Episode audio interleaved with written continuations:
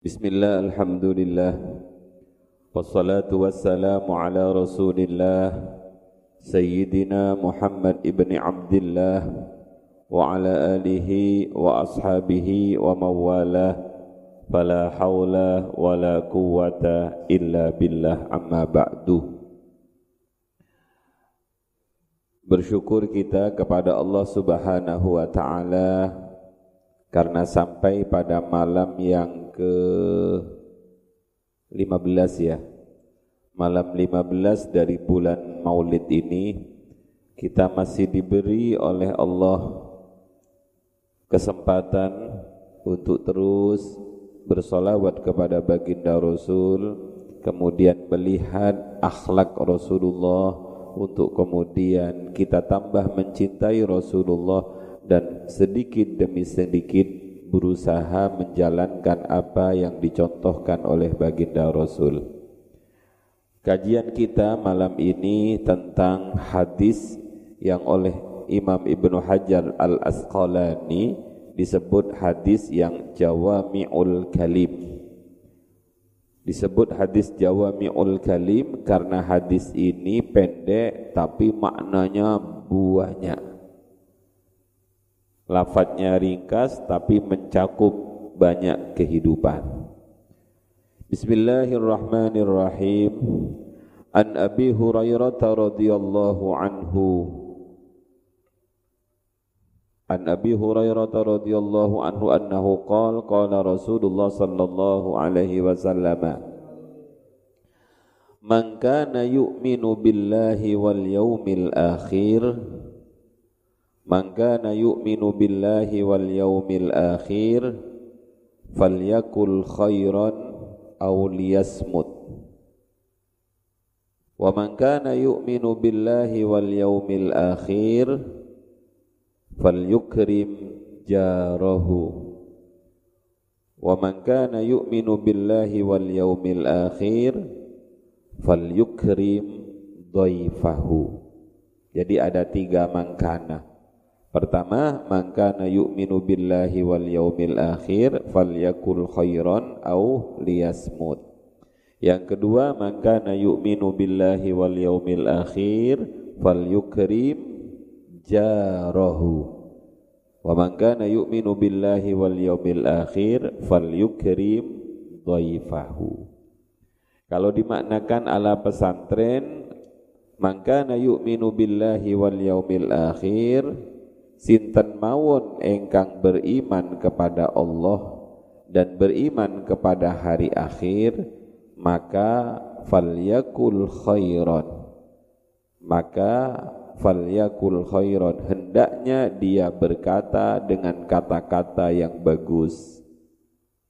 Auliyasmud atau diam yang kedua wa man kana yu'minu billahi wal yaumil akhir barang siapa yang beriman kepada Allah dan beriman kepada hari akhir falyukrim maka hendaklah ia memuliakan jarahu tetangganya.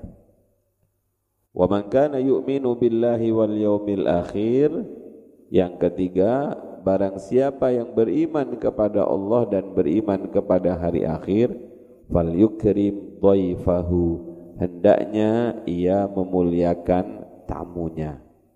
Hadis ini adalah ada dalam kitab Sahih Bukhari dan Muslim. Satu persatu mari kita lihat.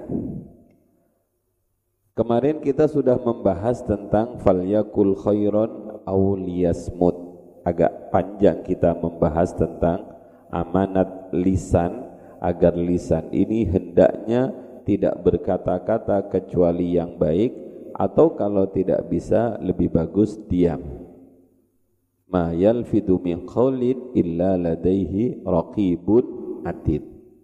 Dan baginda Rasul mencontohkan itu Syekh Abdurrahman Ad-Dibai menulis dalam kitab dibaknya wa in khusimah yasmut wala yujawib Nabi Muhammad itu wa in khusima apabila dipaitu dimusuhi yasmut Nabi diam wala yujawib dan Nabi tidak menjawab Contoh yang sangat masyhur adalah ketika baginda Nabi Muhammad sallallahu alaihi wasallam diolok-olok, dipermalukan di depan umum oleh Abu Lahab. Abu Lahab ketika waktu itu Nabi Muhammad mengundang para saudara-saudaranya karena ada ayat wa anzir ashiratakal aqrabin. Nabi Muhammad kemudian mengumpulkan para saudara-saudaranya di sebuah bukit. Kemudian Nabi Muhammad mengatakan, kalau saya berkata kepada kalian dari balik bukit ini ada musuh yang akan menyerang kita, apakah kalian percaya? Percaya ya Muhammad, karena engkau tidak pernah bohong.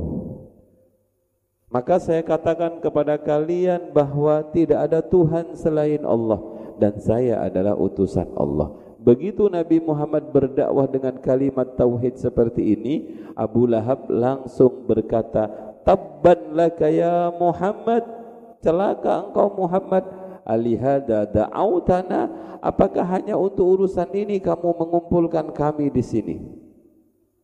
Sering ah, begitu Abu Lahab berkata seperti itu, Kanjeng Nabi diam tidak menjawab. Tapi rupanya Allah yang tidak terima Allah menurunkan ayat yang celaka itu bukan Muhammad tapi yang celaka itu adalah tabbat yada abi lahabiu wa tab. Itulah baginda Nabi. Sering kali kanjeng Nabi bahkan pernah kanjeng Nabi dibilangi setiap Nabi berdakwah kepada orang. Nabi mengajak agar orang-orang itu beriman. Setelah itu Abu Lahab tampil dengan mengatakan wahai hadirin hadirat yang berkumpul di tempat ini mohon maaf saya adalah paman dari anak ini setelah ditinggal oleh bapak dan ibunya anak ini agak miring mohon maaf ya jangan diikuti kata-katanya karena dia memang gila digila-gilakan begitu baginda Nabi tidak menjawab. Itulah makanya dalam bahasa indah Syekh Abdurrahman Az-Zibai mengatakan wa in khusima yasmut wala yujawib. Alangkah indahnya kalau kita umatnya bisa meniru ini. Paling banter Nabi pernah menjawab itu sekali Ketika Nabi sedang jalan-jalan dengan Sayyidatina Aisyah. Di tengah-tengah jalan berpapasan dengan orang kafir. Orang kafir ini e, mengatakan seperti assalamualaikum tapi kata-katanya dirubah. Bukan assalamualaikum tapi assammu alaika ya Muhammad. Assammu alaika ya Muhammad. Racun kamu Muhammad. Nabi Muhammad dibilang racun Nabi Muhammad waktu itu tidak marah. Beliau hanya bilang wa alaika. Apa wa alaika itu? Kamu juga gitu ya. Wa alaika. Enteng sekali Nabi Muhammad. Wa alaika. Tapi istri beliau yang bernama Sayyidatina Aisyah itu enggak terima. Kamu yang racun, kamu yang tuwek ngentutan. Kayak kita kalau ngomong kan begitu ya. Jadi kalau ada orang ngomong sekali jawabannya berapa? Tiga kali. Kamu yang racun, kamu yang jelek, kamu yang tuwek, kamu yang ngentutan, kamu yang akan menjadi penghuni neraka kata kanjeng Nabi Muhammad eh dek jangan terlalu ngobrol kata-kata sudah cukup cukup saya enggak terima wahai suamiku engkau digitukan tadi saya kan sudah jawab wa kamu juga Nah, itulah baginda Nabi Muhammad sallallahu alaihi wasallam. Maka beliau berkata, "Falyakul khairan au liyasmut." Dalam kitab ini ada beberapa hadis yang dinukil. Satu la yastaqimu imanu abdin hatta yastaqima qalbuhu wa la yastaqimu qalbuhu hatta yastaqima lisanuhu la yastaqimu imanu abdin iman seseorang tidak akan sempurna hatta yastaqima qalbuhu sehingga hatinya lurus bersih jadi iman seseorang itu enggak sempurna kalau hatinya belum lurus, kalau hatinya belum bersih. Wala yastaqimu qalbuhu dan tidaklah hati seseorang itu akan bersih hatta yastaqima lisanuhu sehingga lisannya orang itu juga bersih. Dari perkataan jelek. Jadi diawali dari lisan. Lisan dan hati ini amat sangat berhubungan. Kalau hatinya bersih, pasti yang keluar juga bersih. Kalau ngomongnya elek, itu menunjukkan hatinya juga elek. Kalau hati dan mulut itu sudah sama-sama jelek, maka tidak akan sempurna keimanan seseorang. Jagalah hati. Siapa itu yang biasa begitu itu? Jagalah hati, jangan kau nodai. Jagalah hati, lentera hidup ini. Gimana terusannya itu? Saya pengagum beliau tapi enggak apal. Ayo sama-sama menjaga hati, menjaga li, lisan. Itu hadis yang pertama yang dikutip. Hadis yang kedua yang dikutip adalah min husni islamil mar'i tarkuhu ma la ya'nihi. Min husni islamil mar'i tarkuhu ma la ya'nihi. Di antara bagusnya keimanan seseorang adalah ketika orang itu meninggalkan sesuatu yang tidak ada gunanya. Kalian coba lihat kata kanjeng Nabi, ada ada gunanya ndak apa yang kau lakukan? Kalau ada gunanya lakukan. Misalnya gunanya untuk otak, gunanya untuk kesehatan. Apa sih gunanya kamu berjemur? Biar sehat apa gunanya kamu olahraga? Biar sehat. Itu berarti ada gunanya. Apa gunanya kamu ngopi? Biar gak ngantuk. Apa gunanya kamu jagongan? Ayo apa gunanya kamu jagongan? Apa kira-kira gunanya? Refreshing. Ya jangan terlalu-lalu. Min husni islamil mar'i tarkuhu ma la ya'nihi. Di antara bagusnya iman Islam seseorang apabila orang itu mampu meninggalkan sesuatu yang tidak ada manfaatnya. Selanjutnya banyak sekali yang dikutip tapi saya hanya cukup mengambil tiga saja. Kanjeng Nabi Muhammad sallallahu alaihi wasallam dalam hadis riwayat At-Tirmizi beliau dawuh La tuksiru al-kalama bi ghairi dzikrillah La tuksiru ojo ngakeh-ngakeh no sira kabeh al kalama ing guneman bi ghairi zikrillah tanpa mengingat Allah.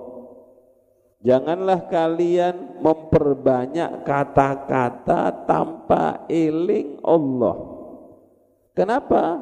Kanjeng Nabi bilang jangan terlalu banyak ngomong, jangan kakean ngomong fa inna kasratal kalami bi ghairi zikrillah karena sesungguhnya kakean bicara terlalu banyak ngobrol terlalu banyak ngomong bi ghairi tanpa ingat kepada Allah iku qaswatun lil qalbi. Qaswatun lil qalbi ngatosake ati iku koswatun atos lil qalbi marang ati. Jadi hati ini punjer dari tubuh kita. Kalau hati ini lunak kalau hati ini salim qalbin salim kalau hati ini bercahaya qalbun munawwar maka pancarannya akan kelihatan di anggota tubuh kita Gimana itu? Ala inna fil jasadi mudghah idza saluhat saluhatil jasadu kulluhu wa idza fasadat fasadatil jasadu kullu ala wahiyal qalbu. Kalau hati ini bagus maka seluruh anggota tubuh akan bagus. Kalau hati ini rusak, maka seluruh anggota tubuh itu rusak. Lah ternyata yang menjadikan hati ini atas kita sekarang tahu dapat informasi dari Rasulullah apa itu? kasratul kalam bi ghairi kakean ngobrol kakean guyon kakean ngerumpi kakean jagongan tanpa ada manfaatnya Jangan dikira ngobrol-ngobrol ngalor ngidul gak ketemu judulnya itu koyok kentut dalam sarung itu muter-muter. Apa sih topik pembicaraan ini gak ada. Tapi wis ngobrol sudah satu jam gak mari-mari ngopinya sak cangkir duduknya dua jam. Oh, lah begitu-begitu itu yang garai hati menjadi atos dan ingat wa inna ab'adan nasi minallah al-qalbul qasi. Wa inna ab'adan nasi sesungguhnya paling jauh-jauhnya manusia minallahi dari Allah iku al-qalbul qasi orang yang memiliki hati yang atos hati yang keras naudzu billah. Tidak mungkin orang itu wusul pada Allah. Tidak mungkin orang itu bisa dekat dengan Allah apabila orang itu kakian ngomong tanpa zikir kepada Allah. Maka hemat abah santri itu gak usah kakian guyon. Santri itu gak usah kakian ngobrol. Wayai ngobrol-ngobrol tapi yo sewajarnya. Ya sewajarnya berapa? Ya 10 menit paling lama. Habis itu selesai ya sudah balik lagi nang kegiatan masing-masing. Aulia smooth lebih bagus diam. Tapi kadang-kadang sekarang itu agak bingungi Ono arek sing gak disopo oleh konconi Gak diajak ngobrol oleh konconi Tersinggung Aku gak ada ngobrol. Kalau kamu diposisikan pada tidak diajak ngobrol oleh kawanmu maka alhamdulillah bisa dikawe zikir marang Allah. Saya cukupkan itu. Yang pertama maka yu'minu billahi wal yaumil akhir falyakul khairan au liyasmut. Yang kedua wa man kana yu'minu billahi wal yaumil akhir falyukrim jarahu Man kana yu'minu billahi wal yaumil akhir falyukrim jarahu. Siapa pun orangnya yang beriman kepada Allah, beriman kepada hari akhir, maka muliakan tetangganya. Dan Nabi mencontohkan sendiri bagaimana Nabi memuliakan para sahabat. Bagaimana Nabi memuliakan tetangga-tetangganya. Bahkan Nabi mengajari sahabat-sahabatnya untuk memuliakan tetangganya. Suatu saat Nabi berpesan kepada salah seorang sahabatnya yang bernama Abu Dhar Al-Ghifari. Kanjeng Nabi dawuh kepada Abu Dhar Al-Ghifari, "Hei, Mas, kalau kamu masak sesuatu, perbanyak kuahnya." Terus gimana terusannya? Kuahnya kasih tetangga, dagingnya makan sendiri, tidak begitu loh. Perbanyak kuahnya biar bisa dibagi-bagi. Nah, itulah yang disebut dengan pagar mangkok lebih kuat dari pagar tembok. Memberi tetangga itu akan menjadi pagar yang mengokohkan. Nabi juga pernah dawuh, saya terus diwasiati oleh Jibril. Jibril terus berwasiat kepadaku agar saya memperbaiki hubungan dengan tetangga. Sampai-sampai saya mengira nanti kalau saya meninggal tetangga itu akan mendapatkan warisan. Saking Jibril berwasiat kepadaku agar saya baiki tetangga. Bahkan dalam sebuah pernyataan tidak iman seseorang, tidak iman seseorang, tidak iman seseorang apabila tetangganya tidak merasa aman dari lisan dan tangannya. Jadi ada model tetangga itu yang nggak bisa diam kalau nggak ngusili tetang tetangga. Naudzubillah wal billah. Ini kalau ditarik dalam masyarakat santri, kadang-kadang ada santri yang nggak nggak nggak tenang hatinya, nggak tumak nina hatinya kalau nggak ngusili konco nih. Kalau ada bisa ngusili konco sehingga konconya boyong, yes satu korbanku sudah boyong.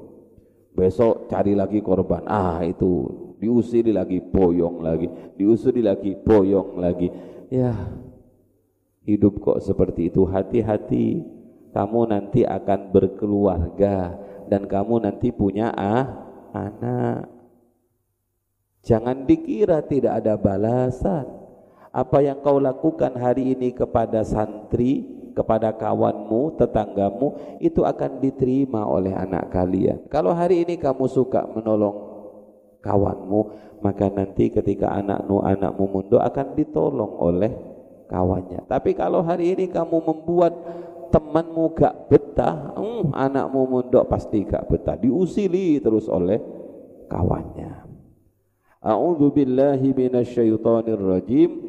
Al-Qur'an dawuh wa'budullaha wa la tusyriku bihi syai'a wa bil walidaini ihsana wa bidzil qurba wal yatama wal masakini wal jari dzil qurba wal jaril junub ada dua kata-kata jar tetangga dekat dan tetangga jauh harus kita baiki. Itu tetangga.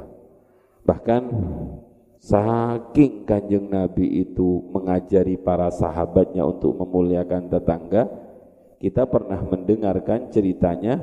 Ada seorang tabi'in yang bernama Hasan al-Basri. Bagaimana sikapnya terhadap tetangganya? Beliau hidup berkumpul dengan tetangga yang Yahudi. Ia hidup di bawah sedang Yahudinya di loteng atas. Lama sekali bertetangga suatu saat ketika Syekh Hasan Al-Basri sakit, namanya tetangga itu nengok. Begitu nengok masuk tetangganya singkat cerita tetangganya bilang, "Wah, katanya orang Islam bersih an-nadhafatu minal iman." Tapi kamari pesing bau pipis. Akhirnya Yahudi ini nengok kanan kiri dari mana sumber pesing itu. Ternyata sumber pesing itu dari sebuah bak. Begitu dilihat ternyata bak itu kanggo nadai tetesan dari atas. Lah itu kan kamarku. Posisi cedengku di situ. Berarti bau pesing ini gara-gara ada bocornya cedengku dan pipisku serta pipisnya istriku turun ke sini. Malu Yahudi ini. Kemudian Yahudi ini berkata, "Ya Syekh, sudah berapa lama engkau saya kirimi pipis? Sudah berapa lama engkau saya kirimi peceren?" Syekh Hasan Al-Basri yang waktu itu masih sakit berkata, "Wahai saudaraku, enggak usah bahas itu ya." Kamu ke sini kan bukan untuk bahas itu tapi kamu kan ingin nengok aku. Tidak saya ingin tahu berapa lama saya telah berbuat dolim kepadamu ngirimi peceren kepada kamu. Sudah nggak usah dihiraukan. Yang penting saya akan sehat. Doakan mudah-mudahan saya segera sembuh. Ya syekh demi hak saya sebagai tetangga. Jadi demi hak saya sebagai tetangga karena ada hakul jar alal jar hak tetangga terhadap tetangga yang lain. Demi hak saya sebagai tetangga sudah berapa lama engkau saya kirimi peceren? Gak lama kok baru 20 tahun. Ya syekh 20 tahun engkau saya kirimi pipis. 20 tahun engkau saya kirimi peceren. Tapi tidak pernah sekalipun engkau komplain tidak pernah sekalipun engkau bilang pada saya betapa mulianya hidupmu. Ini tidak seberapa, Kang. Kenapa kau bisa seperti ini? Karena saya ingin mengamalkan potongan dawuh Rasulullah maka na yu'minu billahi wal yaumil akhir fal yukrim jarahu. Saya tidak bisa memuliakan engkau dengan memberi sesuatu sebab saya tidak punya sesuatu yang akan saya berikan, tapi saya menerima dengan senang hati kiriman bau dari sampean. Apa yang terjadi anak-anakku Yahudi ini kemudian memegang tangannya Syekh Hasan Al-Basri kemudian berkata inilah akhlak agama Islam yang luar biasa. Asyhadu an la ilaha illallah wa asyhadu anna muhammadar rasulullah. Pesan abah pesan ibu kalian hidup bertetangga. Bertetangga dengan kawanmu tetangga lemari tetangga kamar. Kalian di samping bertetangga adalah bersaudara.